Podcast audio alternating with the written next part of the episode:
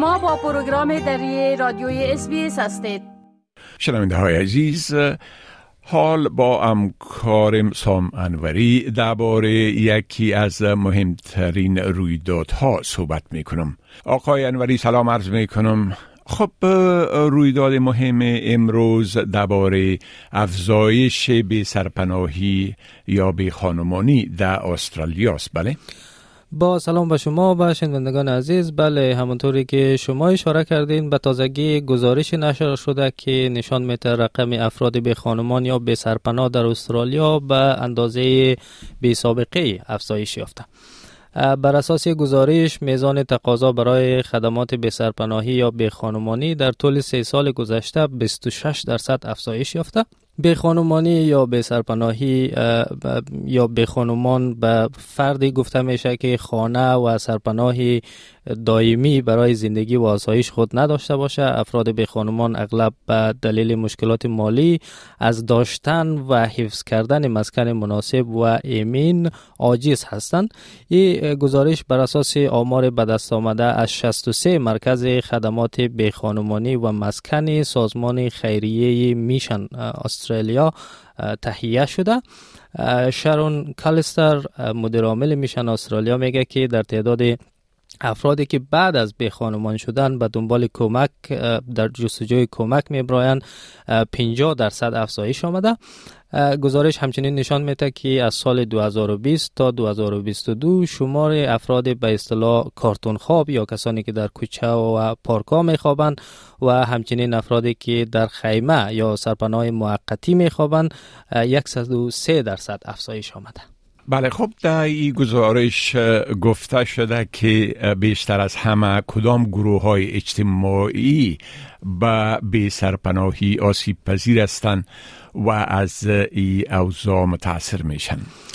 بله گزارش میگه که بزرگترین گروه های بی را در استرالیا زنا و بومی ها تشکیل میده. بر اساس یافته های گزارش میشن استرالیا 57 درصد به خانمان ها در استرالیا زن و 27 درصد دیگر آنها از مردمان ابوریجینال و جزیره نشینان تنگه توریست هستند. همچنین گزارش میرسانه که بیش از 20 درصد به خانمان هایی که در طول سه سال گذشته از خدمات میشن استرالیا استفاده کرده بیش از یک سال را در همین وضعیت بی سرپناهی به سر بردند بله. خب حتما در این گزارش علل و عوامل بی سرپناهی هم جستجو شده.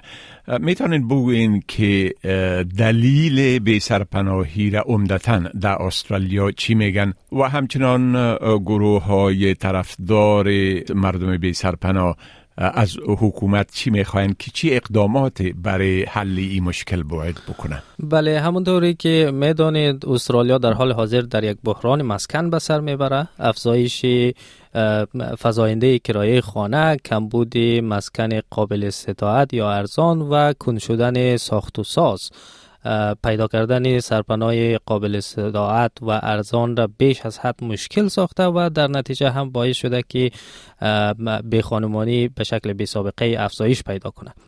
سازمان میشن استرالیا از دولت های فدرال و ایالتی می خواهد که بدون اطلاف وقت برای حل مشکل وارد عمل شوند.